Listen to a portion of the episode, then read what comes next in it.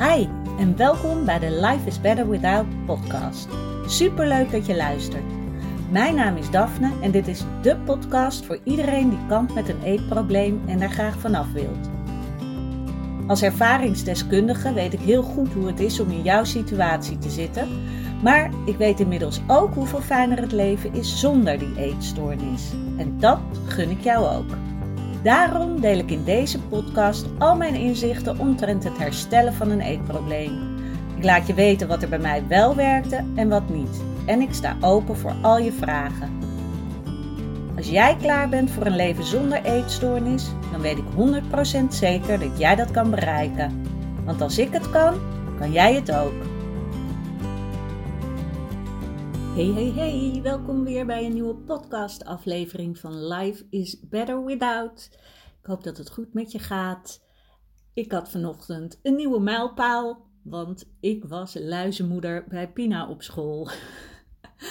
ik, uh, het was niet eens gepland, want uh, ik ging Pina even naar de klas brengen, want ze had een beetje moeite vanochtend. En toen kwamen ze iemand tekort als luizenmoeder, dus toen heb ik mezelf uh, in die strijd geworpen. Dus uh, nu ben ik officieel uh, luizenmoeder. maar uh, nou, het viel me niks tegen. Ik vond het leuk om al die kinderen eens eventjes te zien. Want nou ja, met de hele corona-situatie kom je natuurlijk ook minder op school. En zie je niet wie er allemaal aanwezig zijn. Dus al dit soort kleine dingen is, nou, is helemaal, is helemaal prima en leuk. Maar ik wil het natuurlijk niet hebben over luizen. Ik uh, wil het vandaag met je hebben over iets wat ik uh, in het boek las, Vraag en het wordt gegeven van Esther en Jerry Hicks. Daar is die weer. Ik heb het al vaker uh, over dit boek gehad.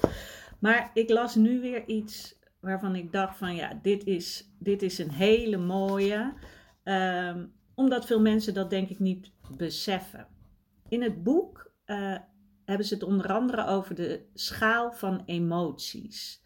Dat zijn er dan 22. Uh, en, van, en dat gaat dus zeg maar van.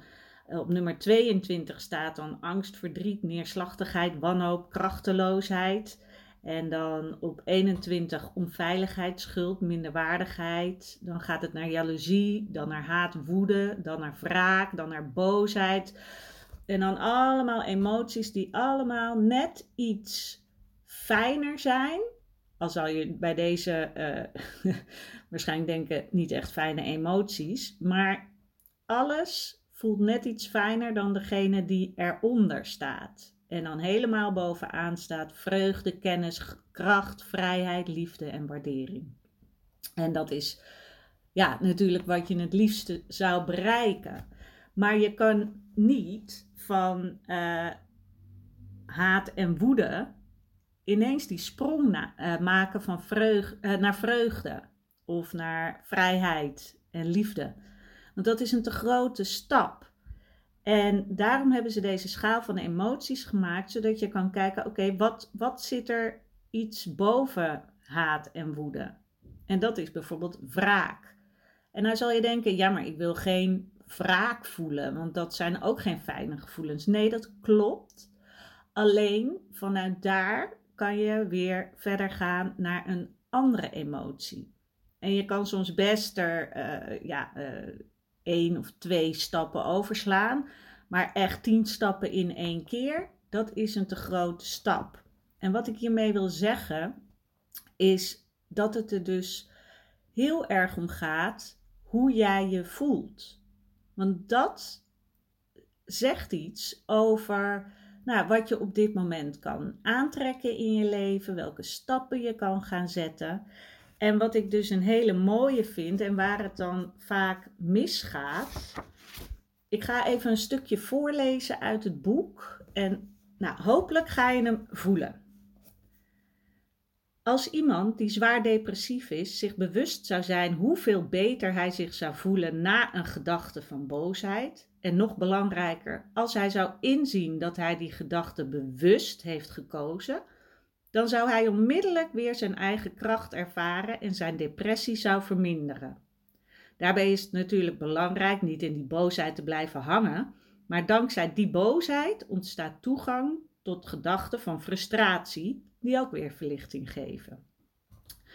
Veel mensen die nog niet begrijpen wat de vibrationele inhoud van emotie is, dus wat, wat emoties je echt vertellen of wat emoties voor je doen, of de gedachten, uh, raden het tonen van boosheid met grote nadruk af. Want voor veel mensen is het onaangenaam in de nabijheid te zijn van iemand die boos is. De meesten zouden het heel egoïstisch prettiger vinden als de boze persoon terugvalt in zijn eerdere toestand van machteloze depressie. Een depressie is immers meestal naar binnen gericht, terwijl boosheid doorgaans naar buiten wordt gericht, naar wie er maar in de buurt is.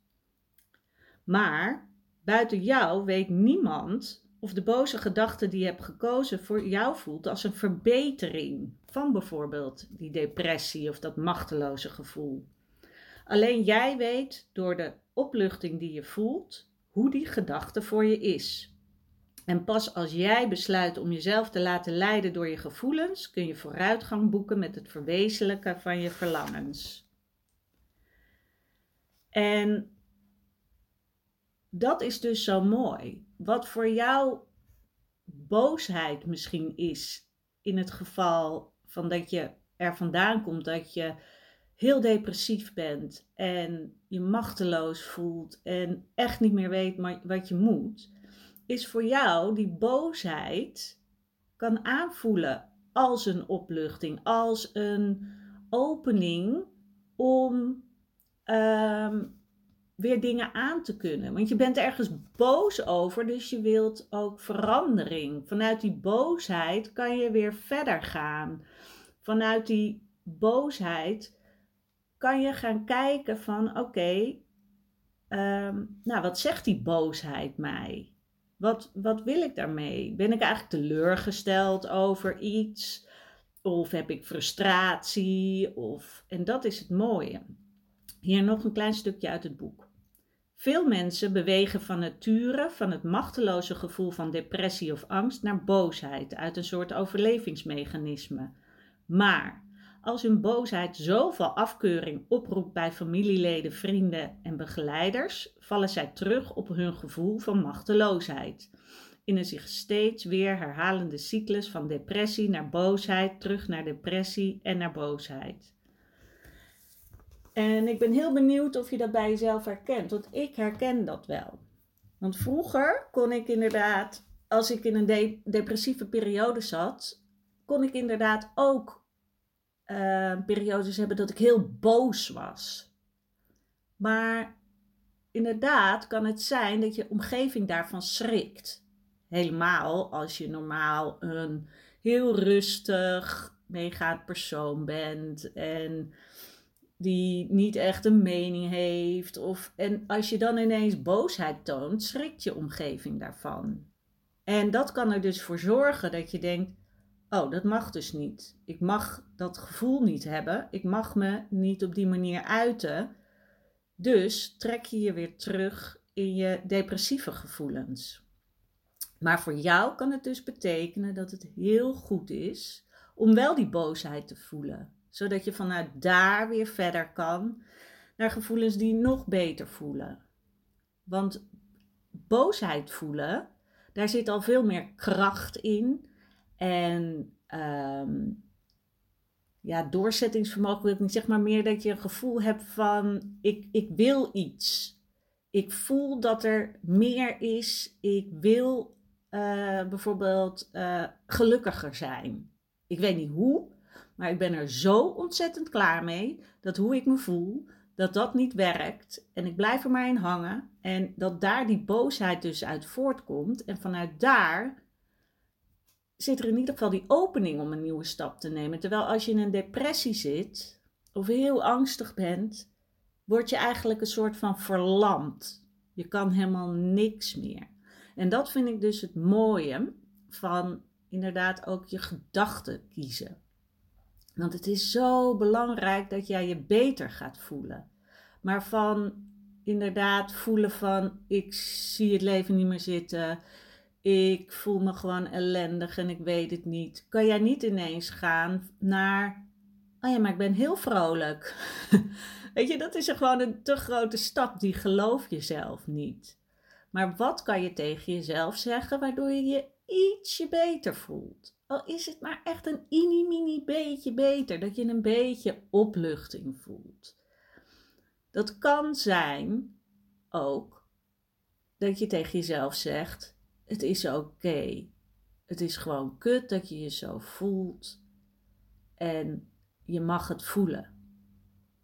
En zodra je dan je gevoel toelaat, bestaat er meer kans dat je andere gedachten krijgt dan wanneer je probeert heel erg er tegenin te gaan. En met tegenin gaan bedoel ik dus alleen maar zeggen hoe stom het wel niet is dat je je zo depressief voelt en je doet ook helemaal niks en je kan niks en je bent lelijk en al dat soort gedachten zorgen ervoor dat je in die depressie blijft hangen. Terwijl als jij jezelf op een liefdevollere manier uh, toe gaat spreken, um, ga jij naar een beter gevoel. Want je gedachten zorgen ervoor hoe jij je voelt. En vanuit daar kan je telkens weer een stapje nemen. Dus het gaat er niet om, ik moet me helemaal blij en gelukkig voelen. Tuurlijk is dat je uiteindelijke doel, maar je hoeft niet grote stappen te nemen. Doe het met kleine stapjes. Dat is met alles in herstel. Je gaat ook niet van helemaal niks eten naar oké, nou dan ga ik weer gewoon uh, uh, alles eten. En uh, nee hoor, het gaat helemaal prima. Dat geloof je zelf niet. Je mag kleine stapjes nemen. Want vanuit die kleine stapjes ga je steeds verder en gaat het sneller. Dan wanneer jij zo'n enorme stap neemt, daardoor weer ineens terugslaat in die angst en dan sta je weer onderaan, omdat het een te grote stap was. Dus ik hoop dat je dit voelt. Ga eens kijken, ga eens bij jezelf na. Oké, hoe voel ik me nu? Welke gedachten heb ik? En wat kan ik nu denken om me ook maar enigszins een klein beetje opgeluchter te voelen? Want dat is echt de sleutel dan je voelt letterlijk als jij een gedachte vindt die een beetje opluchting geeft, dan voel je een soort van meer openheid in je hart. Of een soort, bijna een soort elektrisch shockje. En al is het maar een milliseconde. Dat gevoel is wat je wil. Dat je even denkt, oh ja, ik kan weer ademhalen. En dat helpt ook altijd heel goed. Even heel diep ademhalen. Heel diep in. En heel diep uit. Ook dat geeft al een soort opluchting. En vanuit daar kan je misschien ook weer een gedachte vinden die je iets beter laat voelen. Doe het in kleine, kleine stapjes. Oké, ik hoop dat je hier wat aan hebt. Dat je denkt van, oh ja, dat ga ik eens uitproberen zelf. En dat je dan merkt, dit is het. Dit gaat helpen. Ik mag het in kleine stapjes doen. Oké, ik ga deze afronden. Ik wens je een hele mooie dag. Vandaag schijnt de zon nog lekker. Ik weet niet wanneer je de podcast luistert. Maar uh, vandaag, op deze donderdag, schijnt in ieder geval de zon. En ik wens je een mooie dag. En laat me weten wat je van deze podcast vond. Ik vind het altijd fijn om te horen. Mijn DM staat ook altijd open op Instagram. Je mag me altijd vragen mailen. Voel je vrij. Oké, ik. Uh, ga hem afsluiten en ik spreek je bij de volgende podcast. Doei doeg!